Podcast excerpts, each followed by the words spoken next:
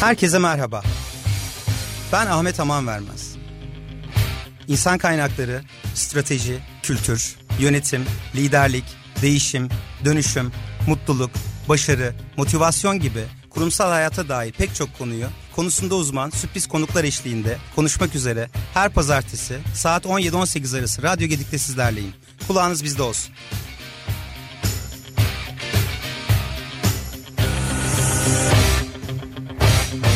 Kurumsal yönetim başlıyor.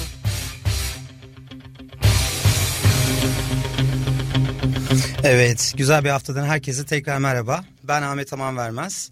Bu haftaki kurumsal yönetim programımızda da her zaman olduğu gibi dolu dolu içeriklerle kulağınızda olacağız. E, bugünkü konularımız e, iş dünyasında yönetim kurulu, stratejik yönetim, liderlik ve gelecek yönetimi üzerine. 25 yıl aşkın süredir yerel ve uluslararası organizasyonların üst yönetim süreçlerinde çok önemli sorumluluklar üstlenen ve şu an e, Tok Söz grubun yönetim kurulu danışmanı sevgili Yaprak Metin'le birlikteyiz. Yaprak Hanım hoş geldiniz. Hoş bulduk. Teşekkürler. E, çok teşekkür ederim e, davetimi kabul ettiğiniz için. E, sohbetimize başlamadan önce sizi ve e, şu anki grubunuzu kısaca bir tanıyarak başlamak istiyorum. Tabii ki. E, Yaprak Metin benim adım. E, ee, 25 yılı bir hayli geçti aslında e, profesyonel hayatım. Ben e, yazılımla başladım. İlk 15 sene yazılım yaptım. Sonrasında IT spesifik danışmanlık tarafına geçtim. Türkiye'de e, yer alan international companylerdeki IT e, HR süreçlerinde hem hiring'de hem proses yönetiminde bir fiil çalıştım. E, sonrasında Microsoft'ta e, HR'a e, HR'da Senior Recruitment Lead olarak çalıştım. E, genel müdürle beraber bir takım projeler yaptık. E, restructuring projeleri yaptık. Çok Tamer güzel. Özmen'le beraber. E, sonrasında Microsoft'ta yaptığım çalışmaların bir prototipini e, Toksöz grupta yapmak üzere Toksöz kardeşlerle bir araya geldik. Ahmet ve Zafer Toksöz'le birlikte. Toksöz e, serüvenim o şekilde başladı benim çalışmalarım.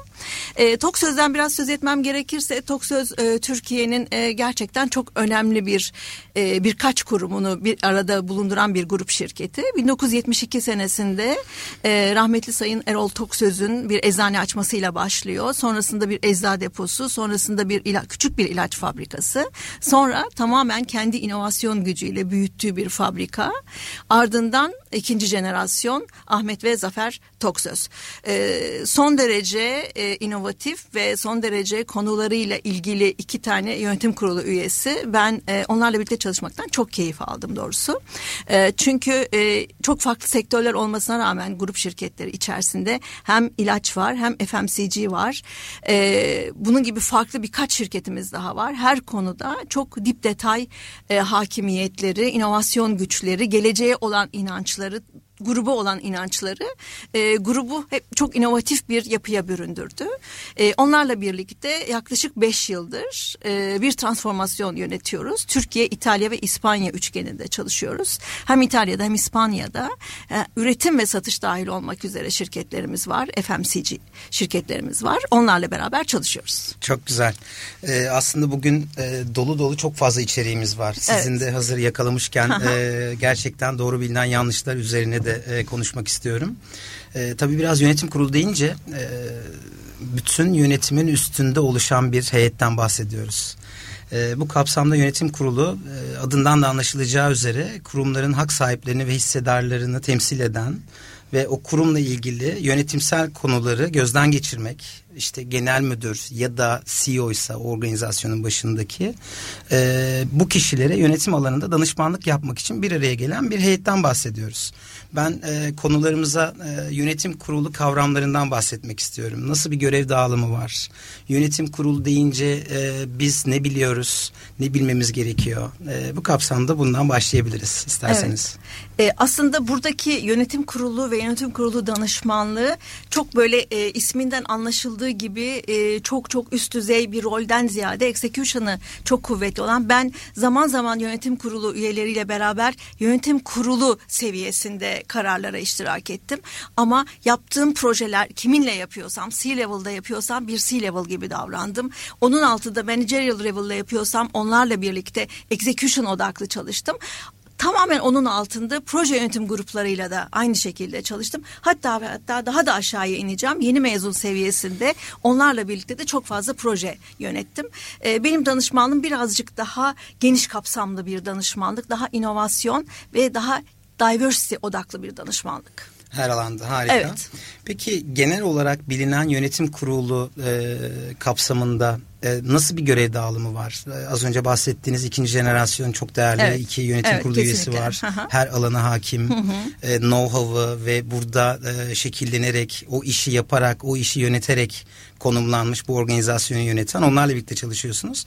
Genel anlamda özellikle Türkiye'deki e, kurumsal ve uluslararası şirketlerin yönetim kurulundaki görev dağılımları nasıl? E, Tok Söz Grup'ta nasıl? Evet. belki buradaki bir kıyaslamadan bahsedebiliriz. Evet. Türkiye'dekinden ve genel e, yönetim kurulu çalışmalarından oldukça farklı bir yapı. Hı hı. Biraz önce de söylediğim gibi e, iki kardeş yönetim kurulu üyesi, iki kardeş konularına son derece hakim ve dip de, detaya da girmekten son derece hoşlanıyor oldukları için ve çok bilgili oldukları için e, buradaki görev dağılımı e, şöyle bizim hiçbir şirketimizde çok yakın zamana kadar genel müdür yoktu. Bütün genel müdür vasıfları ve sorumlulukları iki kardeş üzerindeydi. Daha çok yeni olarak ilaç tarafında bir buçuk sene oldu zannediyorum. Bir genel müdürümüz var. E, ama diğer bütün detaylara iki kardeş son derece hakimler ve hands on götürüyor. Yani execution odaklı çalışıyorlar ve hands on götürüyorlar. Gerektiğinde sahadaki arkadaşlarımızla birlikte toplantılar, strateji toplantıları yapıyorlar. Gerektiğinde onların müdürleri, gerektiğinde onların direktörleriyle birlikte çalışmalar yapıyorlar. Harika. Ee, aslında çok e, önemli bir sorumluluk. Kesinlikle. Baktığımızda yönetim kurulu deyince böyle bir genelde e, hep sahada bir şeyleri denemek e, ve B planını oluşturmak, biraz proaktif yaklaşım, ne yaparsak eğer e, olmadığında ikinci planımız ne olmalı şeklinde. Ama biraz yönetim kurulunda hata yapma şansından ya da olasılıklardan bahsetmek yerine az önce dediğiniz gibi konuya çok hakim olarak yaklaşık e, sanıyorum 4000 üzerinde bir çalışanınız tabii, var tabii. Toksöz grubu e, yola olarak. Yola çıktığımız noktada 4500 çalışan idi. Yaklaşık bir yıldır daha effectiveness odaklı çalışmalar yürütüldüğü içi, içeride HR tarafından. E, 3800 kişi civarındayız. Üç ülke toplam. Harika. Hem ilaç hem FMCG ikisi birlikte. Çok güzel. Yani böyle baktığımızda hem geçmişle gelecek arasında bir köprü rolü. Kesinlikle. Ee, ve bu alanda da alınan kararların sorumluluğu çok yüksek. Çok yüksek. Ee, o yüzden hani iyi hazırlanmamış, e, dedikasyon konusunda biraz eksik kalmış kararlar e, çok ciddi derecede bahsettiğiniz gibi büyük popülasyonları e, direkt etkileyecek. Aynen. E, bu konuda bu sorumluluklar nasıl oluyor? O görev dağılımları iki yönetim kurulu kardeş e, ve şu an yeni son bir senedir bir genel müdür var. Hem o genel müdüre danışmanlık yapıyorsunuz hem o yönetim kurulu arasında da aslında bir köprü rolü.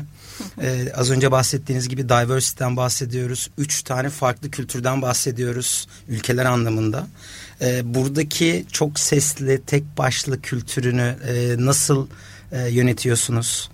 Ne gibi görev dağılımları net olarak ayrılmış e, ve tarif edilmiş mi yoksa herkesin aktif sorumluluğu var mı? Şöyle aslında herkes kendi kasına, kuvvetli kasına göre sorumluluklar alıyor diyebilirim. İlk önce şunu söylemem gerekir ki şu anda ilaç tarafında bir genel müdür var e, ve genel müdür e, benim verdiğim danışmanlık daha çok inovasyon odaklı ve daha açık noktalar odaklı. E, büyük bir şans ki şu anda öyle bir danışmanlığa ihtiyacı yok genel müdürün ilaç tarafındaki.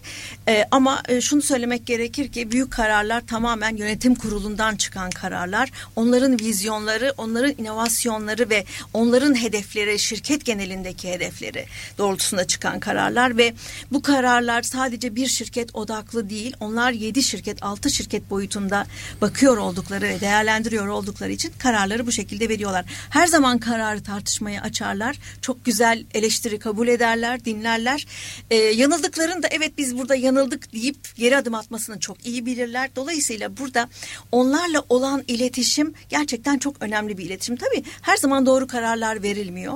Verilen kararlar verildiği zaman doğru olabilir ama işte konjonktürel durumlar yüzünden e, değişebilir değişebiliyor, e, yer şekilleri değişebiliyor. Ondan dolayı hatalar oluşabiliyor ve e, kayıplar oluşabiliyor. Önemli olan o kayıplarda, o hatalarda e, geri dönüp bakıp nerelerde neden biz bu hatayı yaptık deyip onları tekrar cover etmeye çalışmak. E, bunun için de şanslı bir şirket olduğumuzu söyleyebilirim. Aslında öğrenilen dersler dediğimiz evet, evet. E, sahada, e, evet. E, aksiyonda evet. olduktan sonrasında evet biz bunu daha iyi nasıl yapabiliriz e, şeklinde o geçmişte yapılan hatalar belki o gelişim süreçlerinden öğrenilen derslerle sonraki kararlarınızı Aynen. tekrar gerekirse revize ediyorsunuz. Kesinlikle. Ee, hep e, sabah e, söyle e, sohbetimizde de konuşmuştuk. Genelde yönetim kurulunun e, hemen akabinde oluşan o saha dediğimiz bütün organizasyonlarda hesap verme sorumluluğu üzerine, hakikate dayalı yönetim üzerine konuşuyoruz. Evet. Hani ben de bu alanda mesleğimi icra ediyorum. Ee, bir yandan da sizde de hesap sorma sorumluluğu. evet. Dolayısıyla e, masanın e, diğer ucunda da hesap soran hani bunu da nasıl aslında hesap deyince de biraz olumsuz anlamı var ama en azından Aslında yapılan hiç işin olumsuz değil. Daha iyi nasıl yapabiliriz? Daha iyi nasıl evet, yapılabilir? Daha iyi nasıl yap yapılabilir miydi ve daha iyi nasıl yapabiliriz? Evet. E, bu alanda nasıl siz nasıl sorular soruyorsunuz? Ekipleri nasıl yönetiyorsunuz? Biraz ufak tefek tiyolar alabilir miyiz? Evet. E, Genellikle e, yönetim kurulundan ziyade benim ağırlıklı çalışmalarım iş birimleriyle birlikte oluyor. Hı hı. İş birimlerinin e, açık olduğunu düşündüğü noktalarda e, onları dinleyerek onların beklentileri ve onların ihtiyaçları doğrultusunda ne gibi gibi çözümler üretebiliriz, neler yapabiliriz? Bunlar odaklı çalışmalar yapıyorum. İş birimlerinin birbirleri olan ilişkileri, iş birimlerinin pazarla olan ilişkileri, pazardan gelen yansımalar, pazardaki yeni dinamikler konusunda. Ee, ben çok fazla pazarın içinde de olduğum için ve çok farklı yerlerde bulunuyor olduğum için bir köprü olarak görüyorum ben kendimi ve e, bu şekilde çalışmalarımızı sürdürüyoruz. Çok güzel. Biraz daha derinlemesine aslında e, heyecanla beklediğim konulara girelim. Tabii Az ki. önce bahsettiğiniz bahsettiniz. Tabii transformasyondan evet. bahsettiniz. E, aile şirketleri aslında evet. konumuz arasında evet. bunlar da var. Jenerasyon farklılıkları var. Evet. Kültürel dönüşüm, kültürel liderlik konuları evet. var. E, hatta buna teknik ve kültürel yönden evet. bir transformasyondan da bahsedebiliriz. Evet. E, yavaş yavaş akışımızda da hani insan kaynakları konu, konularına, çalışan boyutuna, yaklaşım farklılıklarına iniyor olacağız. Ben biraz transformasyon konularındaki özellikle IT, teknoloji ve diğer birimlerle ilgili olan o köprü rolü nasıl tamamıyla farklı dinamikleri olan görev ve sorumlulukları tamamıyla birbirinden ayrılmış varlık sebepleri tamamıyla birbirinden farklı departmanların ortak hedefler doğrultusunda e, yönetilebilme e, ve oluşma şeklinde böyle bir e, süreçler var.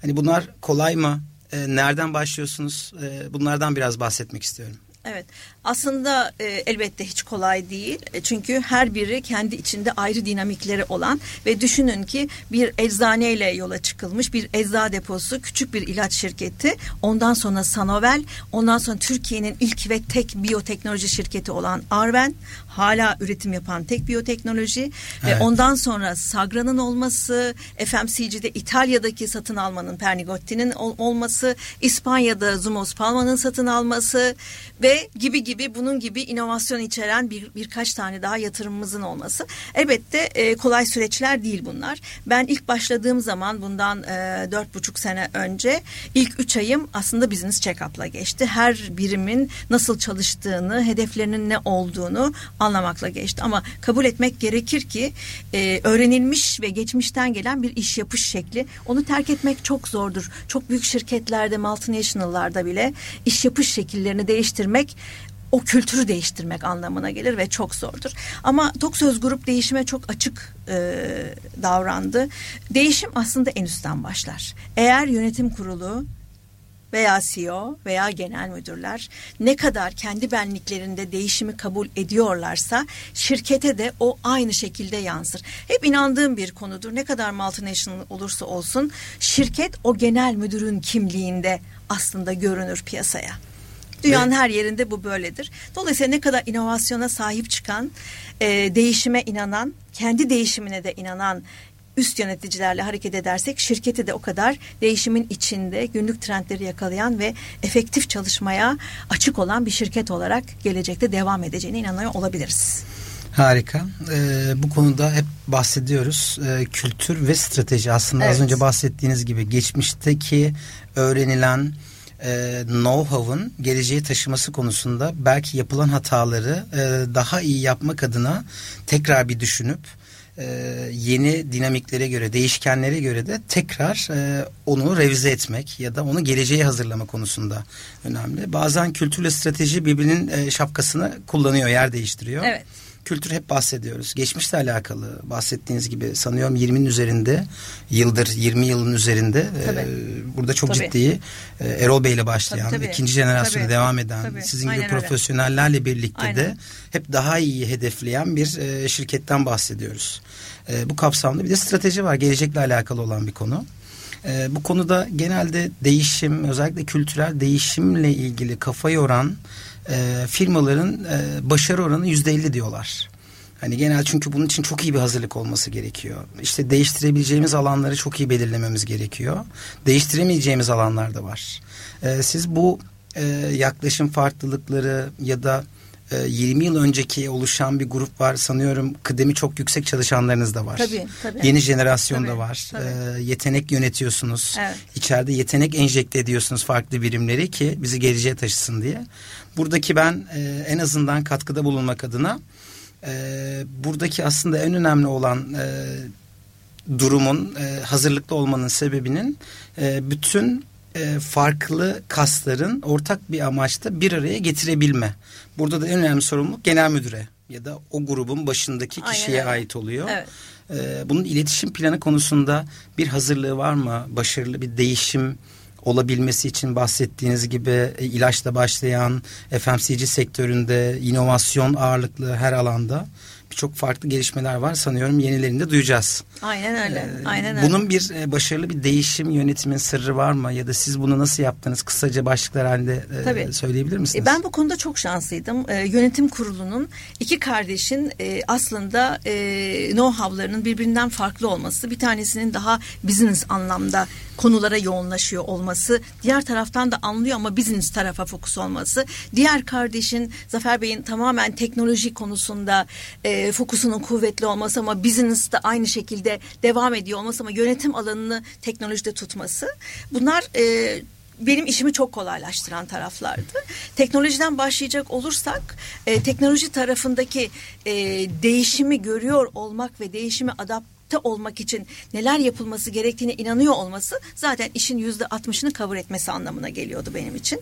Bununla ilgili önemli olan piyasadaki, pazardaki best practice'lerin neler olduğunu, bunları nasıl içeriye alabileceğimizi, bunları almak için nasıl bir insan gücü oluşturmamız gerektiğiyle ilgili çalışmalar yapmaktı. Bununla ilgili e, işte e, kimlerle deal etmemiz gerekiyor, hangi danışmanları içeri almamız gerekiyor, bunlara karar vermekti. Bunun için bir ön çalışma yapıldı. Zannediyorum 6-7 ay bir ön çalışma yapıldı ve biz KPMG ile e, bir çalışmaya başladık. Bir yıllık bir çalışmaydı. Bizim organizasyonlar süreçlerimizi onlar da çek ettiler ve ideal süreçleri bizim için planladılar. Biz de onlar üzerinden onlar bırakıp gittikten sonra onların üzerinden yavaş yavaş ilerlemeye başladık. Onu o şekilde götürdük. Bu bir şanstı. Çok güzel. Aslında e, non diyebileceğimiz yazılı evet. olmayan bir görev dağılımı var. var. E, iki yönetim kurulu tabii, tabii. başkanı diyebileceğimiz. Tabii, aynen öyle. Bir taraf bir operasyondan var, hakim, elbette. bir taraf teknoloji ve evet. gelecekle ilgili sistemler üzerine evet. kullanılan evet. sistemler, teknoloji ve organizasyon boyutu. Bir tarafta da saha boyutu. Aynen öyle. E, gibi. Bu çok, e, çok güzel, güzel bir iş bölümü. Çok, çok güzel, güzel bir iş bölümü. ve steril ve çok net evet. olarak tarif evet. edilmiş. Harika. Evet. E, şimdi biraz daha detayları inmeden önce nasıl e, kapattık 2018 yılı hakkında yorumlarınızı almak isterim. Çok böyle e, bu e, benim merakla da beklediğim cevap farklılıklarla ilgili ve 2019 yılı hakkında da biraz konuşmak istiyorum.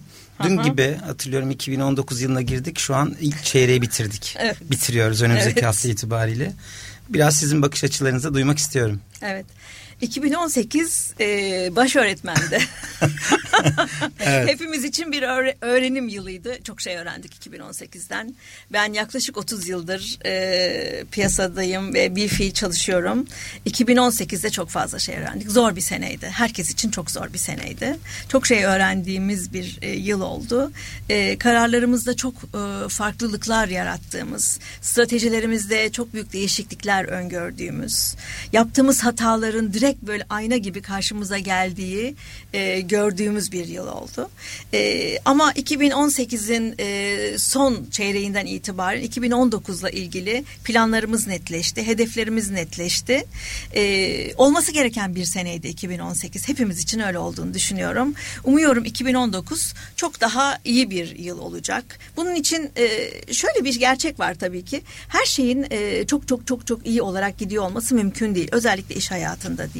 Elbette dalgalanmalar olacak. Bu dalgalanmalar insanların e, moralinin bozulmaması gerekiyor. Sadece kendi kararlarından, yanlışlarından kaynaklanan dalgalanmalar değil. Hepimiz de biliyoruz. Hepimiz bir piyasanın içindeyiz, bir pazarın içindeyiz ve birçok dalgalanma indikatörleri var. Bunlardan tabii ki etkileniyor olacağız. Önemli olan var olmak 2019'un sonunda var olanlar artık sonsuza kadar var olacak şirketler oldu diye düşünüyorum. Türkiye içinde, bütün dünya içinde. Şahane, çok güzel. Ee, peki 2018 yılından aklınıza kalan neler var? Tabii kur farkından 10 Ağustos ve sonrası Şöyle bir için şey yok aslında. değil. Hiç aklıma ilk o gelmedi 2018'de. Belki çok klişedir diye onu bir e, örnek olsun diye Evet. paylaşayım istedim. Evet. Evet. 2018'de e, ben grup olarak danışmanlık verdiğim en büyük grup olarak baktığımda aklımda kalan organizasyonel olarak aslında hedeflediğimiz yere geldiğimizi düşünüyorum ve Çok güzel. artık e, çok önemli normları oluşturmaya başladığımız ve bunlar içinde şirketin artık tamamen e, kendini açtığı ve kabule geçtiği bir yıl olarak düşünüyorum. Bu güzel bir gelişmeydi. E, grup olarak bunu düşünüyorum ve bunu görüyorum. Çok güzel. 2019 için e, nasıl bir ajandanız var? E, öncelikleriniz e, ve belki bir 2019 yılına özel e, ne gibi gündem konularınız var? Şirket Majör olarak. anlamında. Şirket olarak. Peki önce şirket olarak söyleyeyim 2019'da e, 2018'deki değişen stratejileri aslında artık hayata geçirmek istiyoruz ve bununla ilgili çalışmalar yapıyoruz hem ilaç tarafında hem FMCG tarafında hem İtalya hem İspanya operasyonlarında 2018'den daha iyi durumdayız çünkü artık bunların entegrasyonuyla ilgili şu anda bir sıkıntımız olduğunu düşünmüyorum ne yapılacağına dair veriler çok net elimizde artık onları birleştirmek kalıyor geriye. Zaman içerisinde onları da tek tek birleştirip yolumuza devam ediyor olacağız. 2018'de. Çok güzel. 19'da pardon. Çok güzel. Ee, şimdi aslında biraz toparlayacak da olursak e, hem 2019'daki ajandalarınız hem 2018'i bir genel bir Evet. perspektifte bir bakış açısı. Şimdi e, programımızın ikinci yarısında ben biraz daha yönetim kurulunun gündemindeki o yönetim kurulu toplantıları e, kapsamında konuşulan konular üzerine bir takım tabii ki paylaşılabilir düzeyde ne gibi konular konuşuluyor ve her zaman diyoruz çalışanla e, yönetim arasındaki yaklaşım farklılıkları bazen e, işi yaparken önümüzde engel olabiliyor. Algılar devreye giriyor. E, ben ikinci e, yarıda programımızın ikinci yarısında bunlardan bahsediyor olacağım. O yüzden müsaadenizle bir e, güzel bir müzik arası verelim. Süper. Sonrasında kaldığımız yerden devam Harika. edelim. Tamamdır. Tamamdır. Bring a little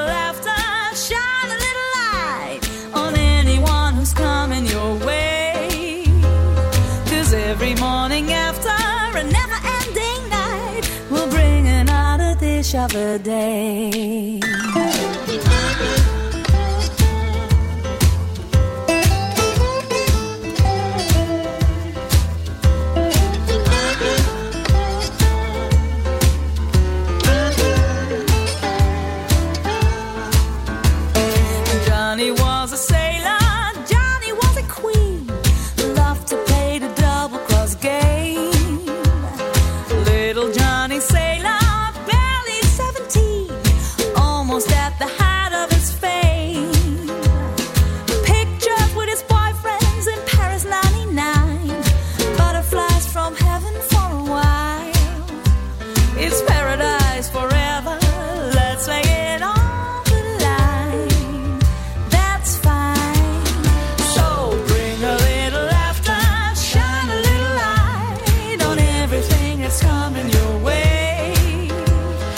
Every morning.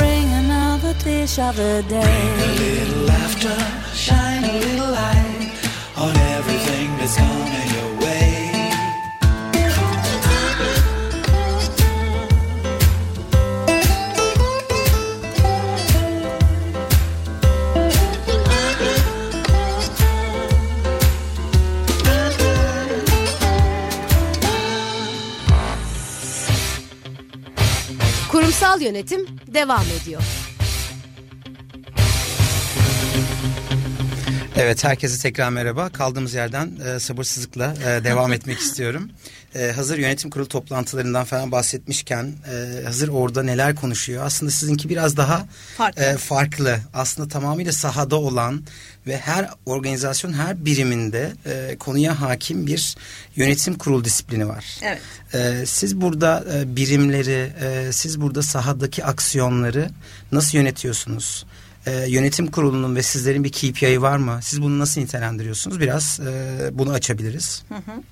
Şöyle evet e, biraz önce de konuştuğumuz gibi e, yönetim kurulu işte aylık yönetim kurulu toplantısı gibi değil bizde. E, burada önemli olan e, her iş birimi ne zaman ihtiyaç hissederse yönetim kurulu da bir araya gelip yönetim kurulu toplantısı şeklinde yapıp ve sonuçla çıkar. Çok böyle güzel. bir böyle bir rahatlığımız var. Çünkü yönetim kurulu zaten konuyla ilgili bilgisi vardır. İş birimi o problemi gelir anlatır. Anlatırken kendi çözümlerini sunar. Bazen o çözümlerin hiçbirisi değildir gerçek olması gereken. Yönetim kurulu der ki evet sen A'yı B'yi söylüyorsun ama bence C'yi yapmamız lazım. C de şudur der ve onun üzerinden gideriz. Ortak bir kararla da Aynen hemen öyle. C planı devreye C girer. planı, ertesi gün C planı devreye girer. Yönetim kurulu toplantıları budur. Yani çok efektif geçer. Tartışmalı olur. iki taraf tartışabilir de. Zaman zaman evet çoğunlukla yönetim kurulu kazanır ama zaman zaman karşı tarafa hak verdikleri de olur. Önemli olan çok sesliliği görmek ve çok seslilik çerçevesinde pazar dinamiklerini ve oradan gelen sorunları değerlendirebiliyor olmak. Çok güzel. Aslında e, karar süresi de minimum düzeyde. Karar Tabii. verme mekanizması sakız Aynen gibi öyle. uzayan kararlar yok. Hayır yok. Çünkü Hayır, çok, çok hızlı. farklı e, Çok hızlı. oluşumlar da olsa. Evet, çok hızlı. Ve o karar kalitesi de çok etkin oluyor anladığım kadarıyla. Evet çok hızlı karar vermek e, ben çok hızlı karar vermeyi çok seviyorum. Çünkü beklemek her zaman daha büyük bir kayıp. E, verdiğiniz karar yanlışsa da o yanlıştan çok şey öğreniyorsunuz. Ama bekleyerek çok fazla zaman da kaybediyorsunuz. Dolayısıyla hızlı karar vermek güzel. Burada kararlar son derece hızlı alınıyor. KPI olarak baktığımız zaman yöneticilerin KPI olarak baktığımız zaman her şeyden önce grup yönetimi çok önemli bir KPI bizde. E, C-level'da olsun, onun altındaki grupta olsun, sahada olsun, saha yöneticilerinin KPI'leri çok önemli. Bizde bütün saha yöneticileri koçtur ve kendi gruplarını 15 kişilik 20 kişilik gruplarını koç etmekle sorumludurlar. Ve onların koçluk performansları vardır. Ve insan kaynakları her performans döneminde o verileri alırlar ve o e, yöneticinin altındaki saha çalışanlarımızı ona göre değerlendirirler. O yöneticilerin de koçluk performansı vardır. Onu da bölgeler müdürü değerlendirir. Sistematik gayet güzel oturtulmuştur. Bizde bu çok önemli. Hı, derseniz ki yeni dönemde bütün bunlar nasıl olacak? Aslında global e, iyileştirmeyle birlikte baktığımızda bütün insan kaynakları yönetimine KPI kadar KPI de çok önemli artık. KPI e, yeni bir kavram ama artık C-level'a özellikle C-level'a diyoruz ki nerede senin business iyileştirmen? Sana şöyle bir PNL vermiştik. Böyleydi. Artılar, eksiler. Aradan bir yıl geçti. Bunlarda neler yaptın? Nasıl yaptın? Ve bundan sonrası için KBI olarak ne hedefliyorsun? KBI çok önemli bir kavram. Hem C-level'da hem de managerial level'da olması gereken ve insan kaynaklarının bundan sonra konumlayacağı çok önemli bir performans kriteri. Çok güzel aslında çok zenginleştirerek farklılaştırarak Kesinlikle. farkı gösteriyorsunuz. Aynen öyle. Ee, hep bilinen yönetim kurulu toplantıları dediğimiz faaliyet tutanakları ile birlikte e, tamamıyla hesap verme sorumluluğu ön planda olan e, periyodik olarak genelde ayda bir olan toplantı aslında sizin 15'er dakika toplantınızda yönetim kurulu toplantısı. 15 dakika sürmüyor. Sürmüyor bile, daha bravo. uzun sürüyor. Yo daha uzun sürüyor. Yo yo Peki. daha kısa sürmüyor. Yo süremez çünkü gerçekten çok önemli kararlar alınıyor. 3000 kişiyi ilgilendiren, bir ürünün piyasaya çıkışıyla ilgili bilgilerine ilgilendiren birçok karar alınıyor. Ama onun bir zamanı yok. Yani bu ay ayın 15'iydi, ayın birinde görüşmek istiyorum diyen bir business manager yok bizde. Ee, odasında gördüğü anda e, sekreterinden randevusunu alıp girecektir odaya ve sonuçla çıkacaktır. Anladım. Yani aslında onu demeye çalışmıştım. Hani Evet. böyle bir standart bir Hayır, periyodik yok. bir zamanı deadline'ı beklemeden eğer orada ihtiyaç varsa hemen bir araya geliniyor. Evet. Kararlar alınıyor. Ee, geçmişte alınan kararlar değerlendiriliyor, gözlemleniyor ve bunun sonrasında başka bir şeye Aynen geliyor. öyle. Ve siz aslında bunu da yönetmek için işte hep diyoruz ham madde proses çıktı. Buna da KPI diyoruz. Evet. Kritik performans Evet. göstergesi. Evet. Siz bunu biraz daha key e, business improvement şeklinde. Aynen öyle. e, bunu da e, bu Çok doğru. e, ölçülmesi gereken kriterlere dahil ettiniz. E, dolayısıyla bu şekilde olduğunda da sahayı da görüyorsunuz. Karar vermeden önce yönetim kurulu ekibi simüle ediyor aslında belki bir şekilde Kesinlikle. kendince ve bu şekilde geleceğe daha iyi hazırlanıyorsunuz. Çok güzel aslında bence bunun altını çizerek buraya bir yere bırakalım. Nasıl isterseniz. E, ve bir best practice olarak belki e, diğer yönetim kurulu oluşumlarında da bunlar Evet. kullanılabilir. Evet. E, ben de bunu aldım çok güzel. Key BI. Evet. Ee, evet harika. Peki biraz da gelelim az önce insan kaynaklarından bahsettiniz. İşte bir koçluk yaklaşımı diyoruz. Hep insanları aslında kendini gerçekleştirme yönelinde. Hep ne yapıldığından ziyade biraz da nasıl yapıldığına odaklanma. Ee, hep böyle bir tangible dediğimiz ölçülebilen hedeflerden ziyade o işi yaparken de e, insanları da yönlendirme, insanları da belki bir ilham verme, inspire etme gibi bu tür alanlar da aslında artık e, gündem konusu. Ee, siz nasıl bakıyorsunuz insan kaynaklarının 25 yıl önce? Hani çok gençsiniz. Hani 25 Çok yıl öncesinde ediyorum. belki araştırmalarınızdan O zaman dolayıdır. insan kaynakları yoktur diye. Personel evet diyelim, evet. personel. Ee, dolayısıyla geçmişten bu yana e, alışkanlıkların gittiği yeni dönemde eskiyle yeniyi kıyasladığımızı nasıl görüyorsunuz? İnsan kaynaklarını ya, da artık e, sanıyorum Google ya da Microsoft insan operasyonları departmanı olarak çevirdi bunun ismini. Siz nasıl görüyorsunuz? Ee, özellikle e, Kıyaslamak istemiyorum. Hiç kıyaslamaya Yok, girmeyelim. yeni sorumlulukları Ama yenisi, diyebiliriz. yenisi olarak şunu söyleyebilirim. Birkaç e, aslında başlık altında toplayabiliriz. E, bugün insan kaynakları diye baktığımız zaman işte Endüstri 4.0 konuştuk. Şimdi aslında Endüstri 5.0 geldi ve bir yıldır bunu anlatıyoruz.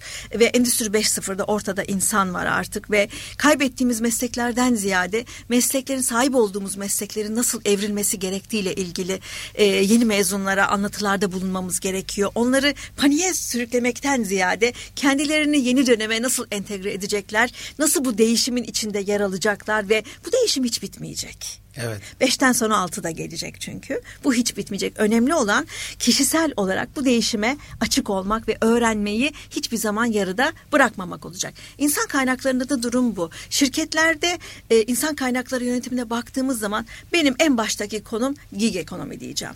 Gig ekonomi artık tamamen bizim bütün iş birimlerimizin ortasına oturması gereken ve oturmuş olan çok önemli bir kavram.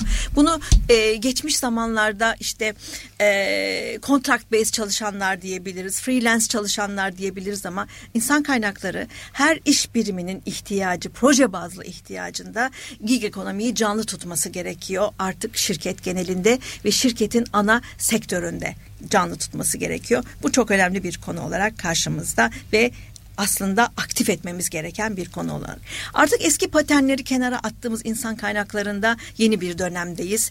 E, açtığımız pozisyonlara uygun kişileri aramaktan ziyade içerideki talent'ı en iyi şekilde nasıl değerlendirebiliriz ya da sahip olduğumuz insan gücünü nasıl talent'a evirebiliriz onunla ilgili çalışmalar yapmamız gerekiyor.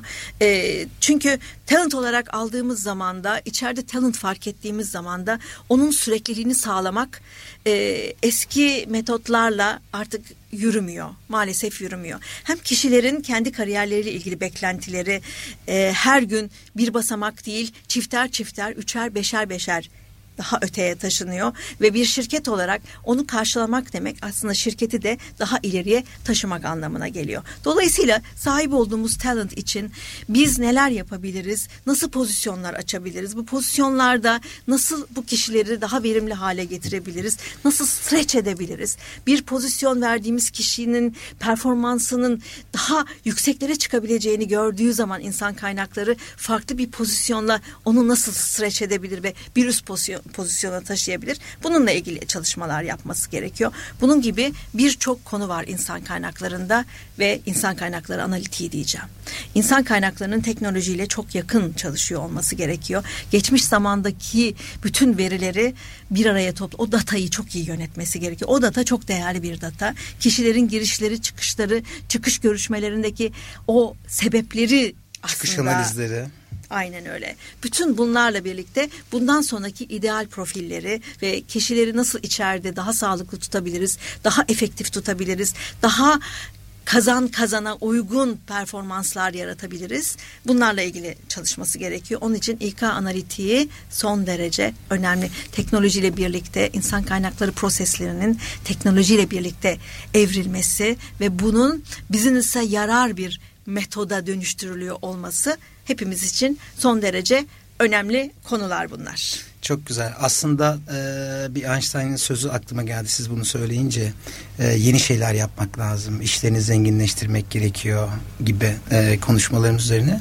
E, değişiklik aynı şeyi tekrar tekrar yaparak farklı sonuçlar beklemek. Evet. E, dolayısıyla siz de hani aslında geçmişi tabii konuşmuyoruz ama bundan sonrasında o bohçasına e, yönetim bohçasına koyacakları e, tool'ların da farklılaşması gerektiğini söylüyorsunuz. Ben hep söylüyorum özellikle e, çözüm ortaklarıma hani insan kaynaklarının asıl sorumlulukları nedir diye sorduğunda ben üç e, başlıkta özetliyorum. Bir kere az önce bahsettiğiniz gibi potansiyeli olan birini içeriye almak. Evet. Ee, onu içeride kendi dinamiklerine göre, kendi iş sonuçlarına olumlu katkı bırakacak şekilde geliştirmek ve bu yatırım sonrasında, bu geliştirme sonrasında elde tutmak. Evet.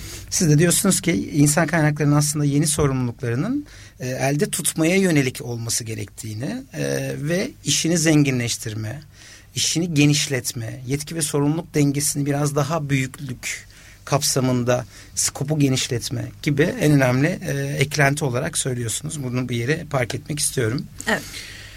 Gelelim MT'ye.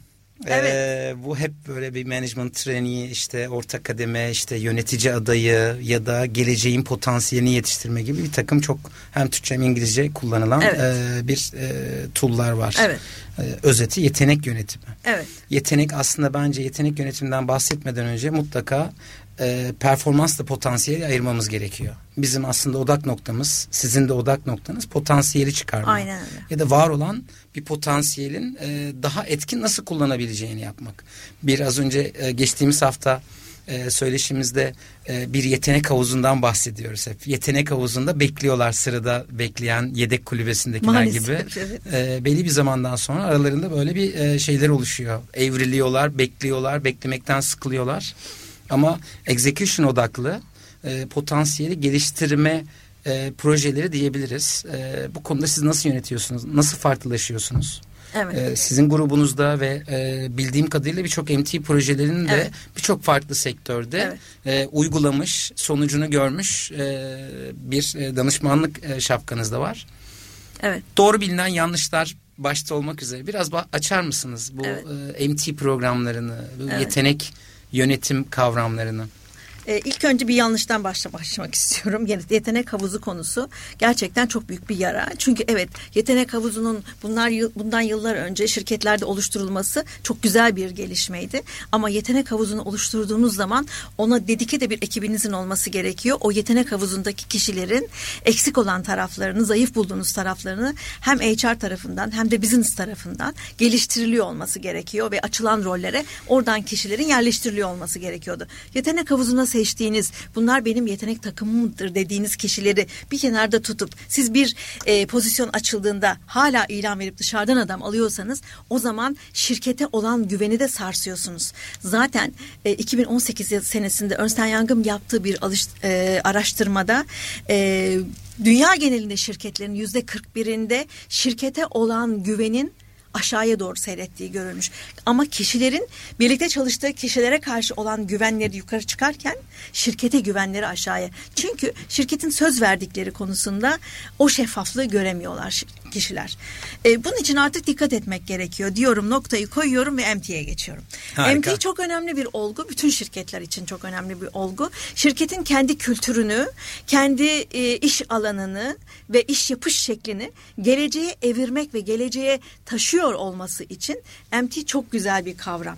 Üniversitelerden yeni mezun, o, o yıl mezun olan kişilerin içeriye alınması ve belli bir eğitimden hem soft skill eğitimleri hem de teknik eğitimlerden geçirilerek iş birimlerine yönlendirilmesi, her iş biriminde o kişilerden sorumlu olarak iş birimi yöneticisinin olması ve bir HR sorumlusunun olması, onların bir yıl önce bir yıl boyunca bir rotasyona tabi tutulmaları, farklı farklı iş birimlerinde iş görüyor olmaları ve bu bir yılın sonunda en fazla hangi iş biriminde başarı kazanıyorsa, çalışmak istiyorsa o iş biriminde işe başlıyor olması anlamına geliyor. Ee, ben e, Tok Söz'de 3 yıldır yapıyorum bu programı. Çok çok iyi performa etti ama çok özel bir eğitim aldılar. Ee, ilk yıldan itibaren e, bizim üniversitelerden mezun olarak aldığımız kişiler e, yaklaşık bir ay boyunca e, ilk önce soft skill eğitimleri aldılar. Prezentasyon skillleri aldılar. E, çek- e, çatışma yönetimi eğitimine kadar aldılar. Üniversiteden çıktıkları zaman e, çocuklar e, gerçekten bambaşka bir eğitime girdiler. Arkasından her iş birimi yöneticisinin verdiği hem kendi e, iş birimini anlattığı hem piyasadaki kompetitörleri anlattığı ayrı bir eğitimden geçtiler. Ondan sonra da yeni assignmentlarıyla yeni işlerine başlıyor oldular. Bunlar e, kişinin yönü ilgisi ve bizim ihtiyaçlarımız doğrultusunda bir aile üç ay arasında değişen iş birimleri oldu. Stratejik planlamadan pazarlamaya, satışa, finansa. Finansın içinde bizim dört ayrı bölüm vardır. Her bölümde ayrı ayrı. E, IT'nin içinde dört ayrı bölümümüz vardır. Hepsinde ayrı ayrı. Böyle başladı. Sonra biz bundan çok memnun kaldık. Adaylarımızdan çok memnun kaldık. Dedik ki biz bir sonraki sene finans için, IT için ve HR için ayrı MT alacağız. Çünkü hepsinin içinde ayrı birbirinden bağımsız bölümler var. Onlar da rotate etsinler. Bu sefer ona da başladık. Dolayısıyla bizim için e, aşağıdan gelen ve yeni kanla gelen yepyeni bir iş gücü, yepyeni bir inovasyon yaratacak kişileri şirketimize katmış olduk. Harika. Aslında burada e, liderlik evreleri var. E, önce ne yapıldığına odaklanıyoruz. Bütün işler doing kısmında. Aynen.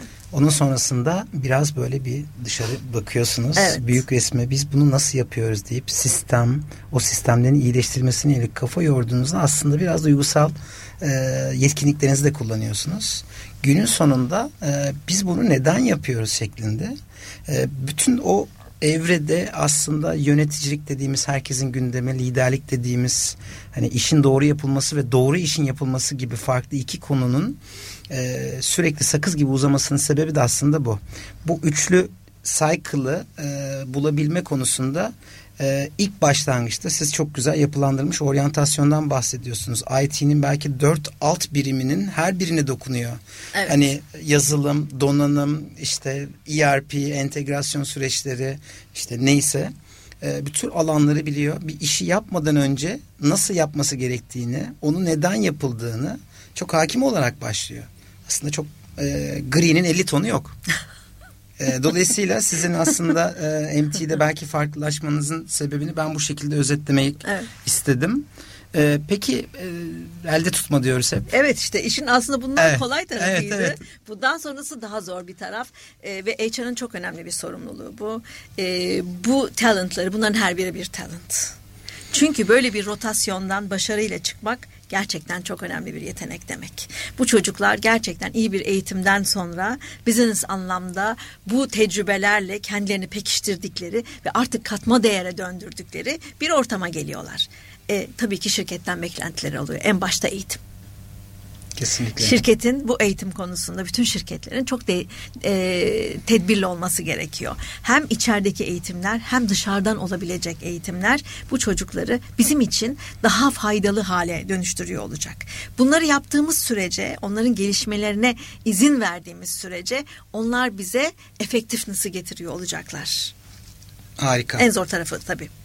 Aslında bir şekilde bunun da stratejiyle doğrudan alakalı olduğunu düşünüyorum. Öyle. Her ne kadar sayılar olarak bir MT programında sizin bütçeye koyduğunuz ya da ilgili işte ben ona yetenek enjekte etme diyorum. Evet. Bir talent injection diyebiliriz. Ee, bu kapsamda ilgili birimler var. Kritik pozisyonda kritik insanları belki yedekleme, belki e, bu career succession planning dediğimiz e, kariyer yedekleme planları halef selef eski kültürde. Ee, bunlar direkt stratejiyle doğrudan paralel olduğunu düşünüyorum. Ama tabii sınırsız bir kaynak yok. Yok. İşte 3800 çalışanınız var. 4000 plus çalışanınız var. Kontraktörlerle birlikte, e, supply'larla birlikte çok daha büyük Tabii, bir popülasyondan tabii. bahsediyoruz. Her yeri bir yere koyamıyorsunuz. Bir, sanıyorum e, 10-20 seviyelerinde her sene bu programa katılan Evet. yönetici adayı diyebiliriz. Belki On yetenek civarı, adayı evet, 10 evet, civarı. evet. Ee, insan kaynaklarına tekrar geri dönüyor olacağım. Ee, burada herkes analiz yapıyor. Az önce bahsettiğiniz gibi o big data, o büyük kurumsal e, hafızanın bir yerde toplanması e, ve öğrenilen dersler anlamında. Bunların çok iyi bir analiz edilmesi gerekiyor. Evet. Bu, bu- yetmiyor fakat bu, bu dünyada özellikle gelecek geldi diyoruz. Hakikaten geldi. Endüstri 5.0'dan bahsediyorsunuz. Evet. Ee, onu da kapanırken e, bir konuda sizden bir fikir alacağım. Ee, dolayısıyla bu analizler sonrasında hipotezler, tezler, antitezler, B planları e, bir alanda böyle bir istenilen şartlardan dolayı kendilerinden kaynaklı olmayan e, değişkenlerden dolayı e, başarısız olduğunda hemen bir B planının da hazır olması gerektiği bunlar da sanıyorum elde tutma konusunda en önemli kafa yorulması gereken konular. Var mı sizin bununla ilgili bir örnek elde tutma konusunda e, MT'lerinize hayal demeyeceğim ama ulaşılabilir e, ne yaparsan şu olursun gibi hani 3 sene sonrasında bu program seni buraya aşıyacak.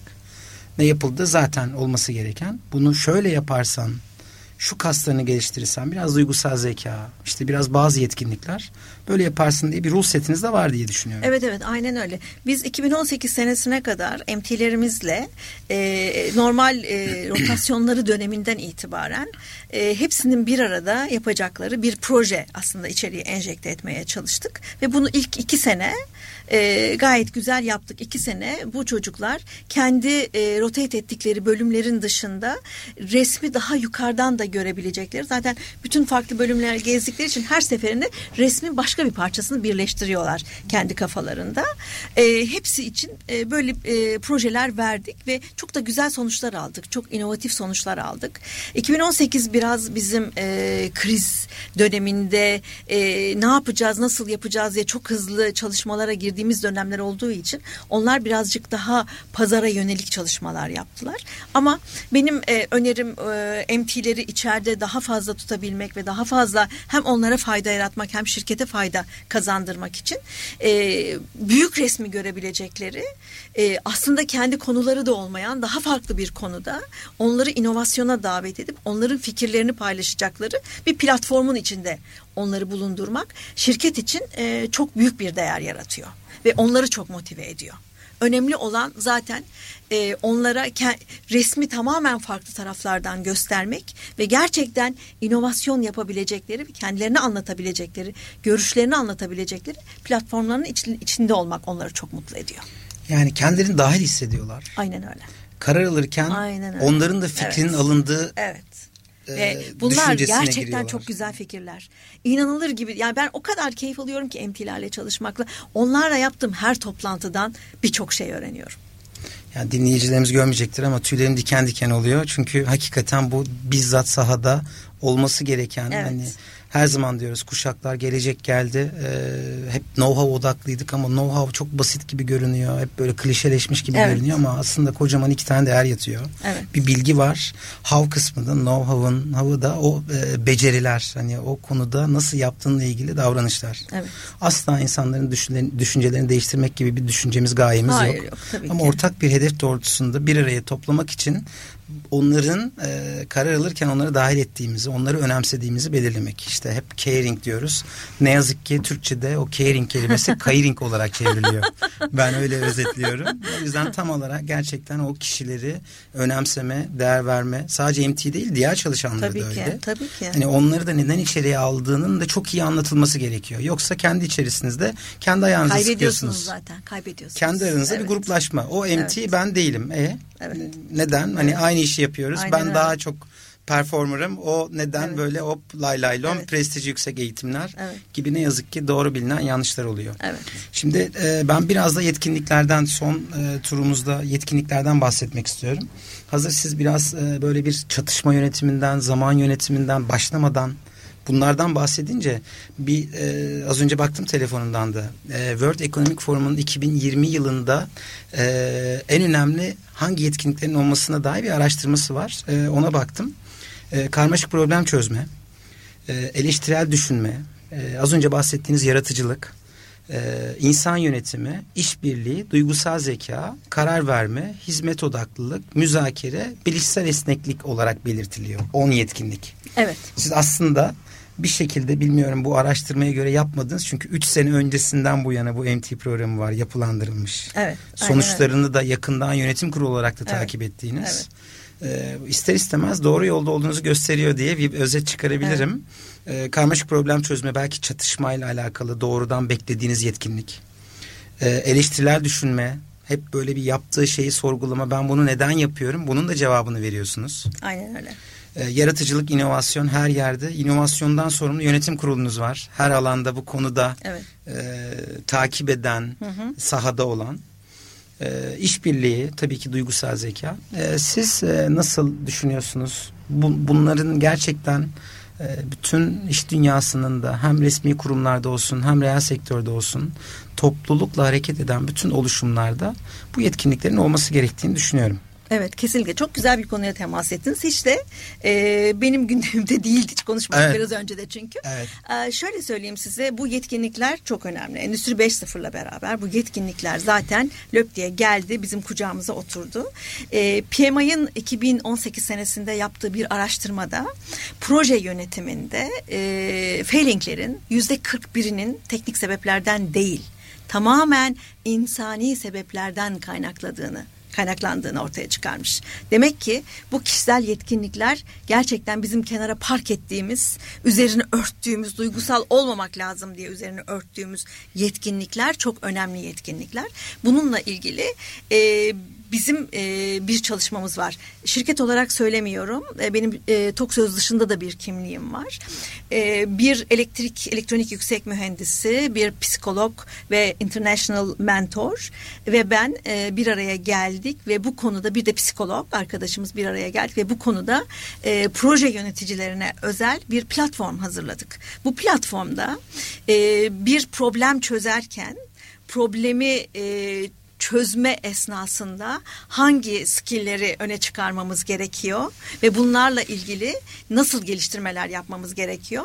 E, e, bunları bazı kavramlarla özellikle Endüstri 5.0'ın önümüze koyduğu as- aslında geçmişte de olan ama kenara park ettiğimiz ama Endüstri 5.0'la beraber artık masamızda olan bir takım kavramlar var. Bunların en başında hibrit yaklaşımlar var. Yani hem horizontal hem vertical yaklaşımlar var. Kişilerin kendi bakış açılarında bu. Ondan sonra e, business diversity var. Onun yanında e, waste management var. Bunun gibi e, value engineering var. Value engineering o kadar önemli bir konu ki her konu için aslında aktive edeceğimiz şeyler bunlar. E, bir problem e, çerçevesinde 10 kişi tartışırken onu project line ederken e, bu skilllerini aslında ortaya çıkarmaya çalışıyorlar. Ama biz o kadar teknik bilgiyle kişileri bölüyoruz ve sınırlıyoruz ki e, bu rahatlık ortaya çıkmıyor ve sonuçta da proje e, zaman zaman istediğimiz tarafa doğru da evrilemiyor. Evet. Bununla ilgili de platform. Dolayısıyla bu her şirket, her konu aslında bir proje yönetimi. Satışta aynı şekilde, pazarlamada aynı şekilde, satın almada, IT zaten bir proje yönetimi. Herkesin e, bu konularda kendisini bireysel olarak ge- geliştirmesi gerekiyor. Şirketlerden e, böyle bir yükümlülük beklemek çok büyük haksızlık olur. Bunlar tamamen kişilerin kendi kendilerine e, geliştirecekleri çok özel yetenekleri ve kendilerine çok büyük faydası olacak. Elbette bulundukları projeye, içinde oldukları şirkete de katma değer yaratıyor olacak. Yani günümüz koşullarında olmasa da şu an işini yaparken herhangi bir çatışma olmasa da bir çatışma olması durumunda nasıl davranması gerektiğini de biliyor olacaklar. Çatışma demek e, kavga demek anlamına gelmiyor. E, yanlış da olabilir kendi düşüncesi ama karşıdakiyle aynı fikirde olmadığı halde kendi düşüncesini de savunup onunla ilgili verileri de öne çıkartıp onları analiz edip yanlış olduğunu anladığı zaman da geri adım atabilecek kadar da profesyonel olması gerekiyor.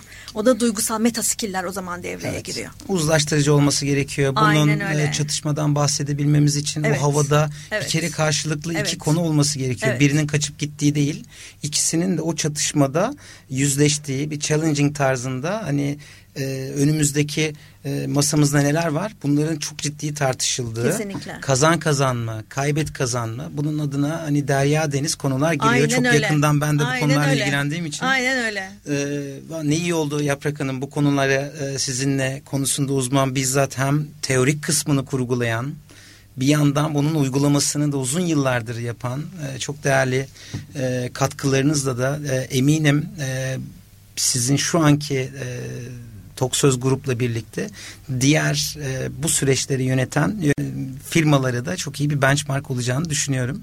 Geçtiğimiz haftalarda e, yine Sev Amerikan Kolejlerinin kurumsal yönetim ve kurumsal yöneticisi e, benimle birlikteydi. Çok sevgili arkadaşım. E, çok güzel şeylerden bahsetti. Hep bildiğimiz o zil yok.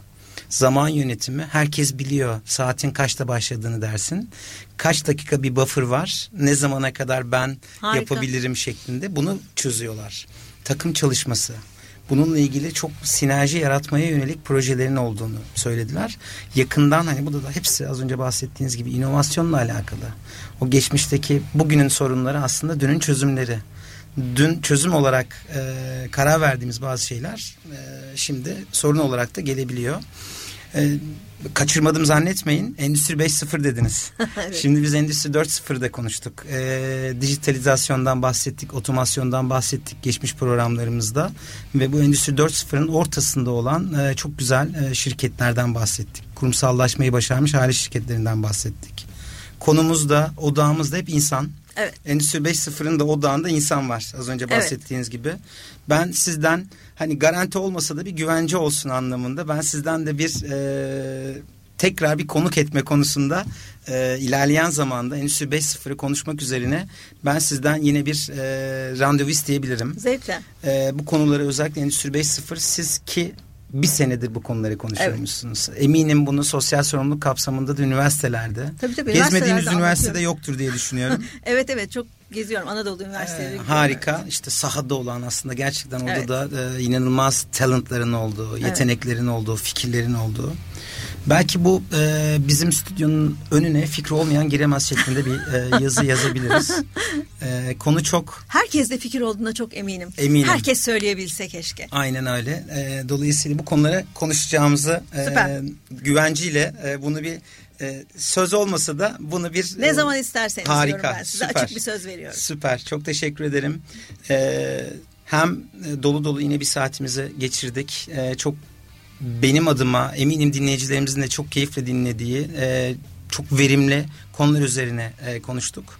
e, haftanın ilk günü bu kadar e, yoğun sorumluluklarınız olmasına rağmen hani burada konu konuğum olduğunuz için çok teşekkür ederim. Rica ederim. Ee, en kısa zamanda sizi tekrar arıyorum. Ee, Zevkle. Ve ilerleyen zamanda hangi pazartesi uygunsanız e, tekrar e, birlikte olmak dileğiyle Zevkle diyorum. geleceğim. Çok teşekkür ediyorum ben de. Çok teşekkürler, çok Hoşçakalın. sağ olun, hoşça Hoşçakalın. kalın. Kolay gelsin.